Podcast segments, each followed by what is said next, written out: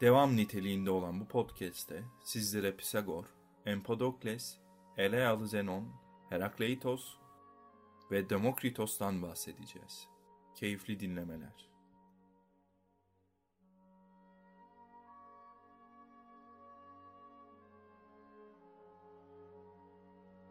Pitagoras yani Pisagor Sonraki zamanlarda kendi adıyla anılan akımın kurucusu olarak astronomi ile yakından ilgilenip dünya ve güneşin konumları hakkında önemli görüşler ileri sürecek, müziği matematik sistemiyle başka bir boyutta açıklayacak, her şeyin sayılardan oluştuğunu ileri sürdüğünden sayıların babası olarak bilinecek olan Pisagor'un da Thales'in öğrencisi olduğu tahmin edilmektedir. İlerleyen yaşlarında derin bir inançla Osiris dinini temel alarak çizeceği yol nüfuslu bir tarikat görevi görecek, zaman içinde çok önemli yerlere gelecek, siyasi güce dahi sahip olacaktı. Ve anladığımız kadarıyla bu güç ona bütün müritlerine büyük fedakarlıkların ardından gelecekti. Zira bu yola çıkanların şahsi eşyası olamaz. Kişiler gereksiz konuşamaz ve et yiyemezlerdi. Çünkü ruh göçü inancını paylaşırlardı. İnançlarına göre Tanrı'ya da ulaşabilirlerdi. Lakin bu çok çaba, emek ve maneviyat gerektirirdi. Ve böylesine çelikten sınırları olan bu okulda ilkelerin dışına çıkan kim olursa olsun sonu tıpkı Pisagor'un öğrencisi Hippasus gibi ölüm olurdu. Empedokles. Ondan önce gelen her filozof başlangıç nesnesini hava, su, toprak ya da ateş olarak seçmiş her şeyi ona göre temellendirmişti. Dördünü bir arada düşünüp literatüre sokan ilk kişi ise Empedokles'ti. Onun arkesi bu dört ana elemandı ve hepsi birbirine sevgi ve nefret ile bağlıydı. Tıpkı vücudumuzun her bir noktasına erişen kanımız gibi parmak uçlarımıza kadar onlarla doluydu. Bu yüzden de var olmayı bu dört elemanın bir araya gelmesine, yok oluşu ise birbirlerinden ayrılmalarına yorabilirdik. Empedokles'in ontolojisinde. Parmenides'in varlık görüşünü sistematikleştirmesi ve onun görüşünü değişim olgusuyla uzlaştırmaya çalışması bakımından Empedokles için bir varlık sentezi yapmıştır diyebiliriz. Parmenides'in varlık görüşünü paylaştığı gibi Pisagor'un ruh göçü görüşünü de paylaşıyor. O da tinin bedenden bedene geçtiğini düşünüyordu.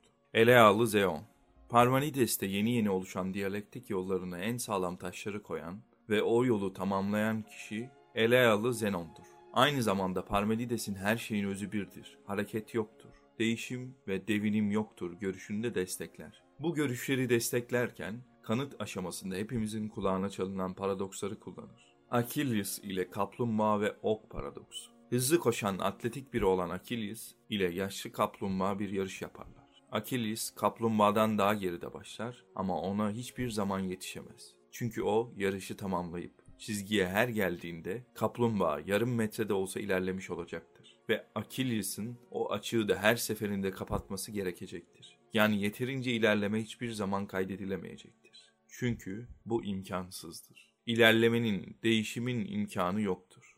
Diğer bir paradoksu ise uçan okun aslında durduğudur. Çünkü okun hareketini saniyelere böldüğünüzde ok her an başka bir yerde sabit halde bulunacaktır. Bu durumda ok totalde sabit. Çünkü saniyelere böldüğünde dahi ok, her mevkide duruyorsa, hedefe ulaştığında da duruyor demektir. Bunlardan hareketle Zenon şu sonuca varır. Var olmak, bir ve hareketsiz olmaktır. Herakleitos O her şeyin ana maddesine ateş diyen bir Efesliydi. Tanrı'nın ve ruhun bile çıkış noktası bu sonsuz ateşti ve ateşten çembere aldığı bu evren görüşünü hepimizin bildiği, her şey akar, aynı nehirde iki kez yıkanılmaz sözüyle ikon haline getirmeyi başarmıştı. Onun evreni yaratılmamıştı ve yokta edilemezdi. Bu evrende değişimin varlığı tartışma kabul etmezdi. Bir diyalektik sistem inşa etmişti ve bu sistemin kemiği logos yani akıldı. Logos bu diyalektikte ideal insanın karakter özelliklerini oluşturan düzenleyici görevini görürdü. Diyalektiği oluşturan karşıtlıklar bir savaş doğururdu. O savaş ise başka varlık türlerini. Kendi sözleriyle zıtlık uyum kavramını ifade etmek gerekirse karşıtlıklar yararlıdır. En iyi uyum farklılıklardan çıkar. Savaş ve barış kavramından türettiği iyilik ve kötülük ise onun için aynı kefedeydi. İkisi de insan için bir çeşit aldatmacaydı. Belki de bu yüzden toplumun iyilik normuna inanmadığından toplumun parçası olacağına, çocukların oyunlarında bir parça olmayı yeğleyen bir filozof haline gelmişti. Demokritos, insanların aptallıklarını gülerek yüzlerine viran bir eleyalı, alaycı olanlarında. Sokrates'ten sonra ölmüş olmasına rağmen bildiğimiz tüm görüşlerini Sokrates'ten önce ortaya koyduğu için onu da presokratik sayabiliriz. Demokritos deyince aklımıza atom gelecektir. Kesin bir varlık görüşünün ortasına yerleştirilmiş, sonsuz, değişmeyen, bölünmeyen, sabit ilerleyen, özdeksel atomlar. Determinist ve materyalist bir atom görüşünü ortaya atan Demokritos, maddi bir gerçekliği olmayan ruhun dahi beden atomlarına nazaran daha ince, hafif, küçük çaplı atomlardan meydana geldiğini savunur. Ruhu ve aklı oluşturan atomların yapısı birbirine benzer ve bu atomların benzerlerine evrenin her yerinde rastlayabiliriz. Bu çıkarımlar şunu destekler. Evren bir akla ve ruha sahiptir.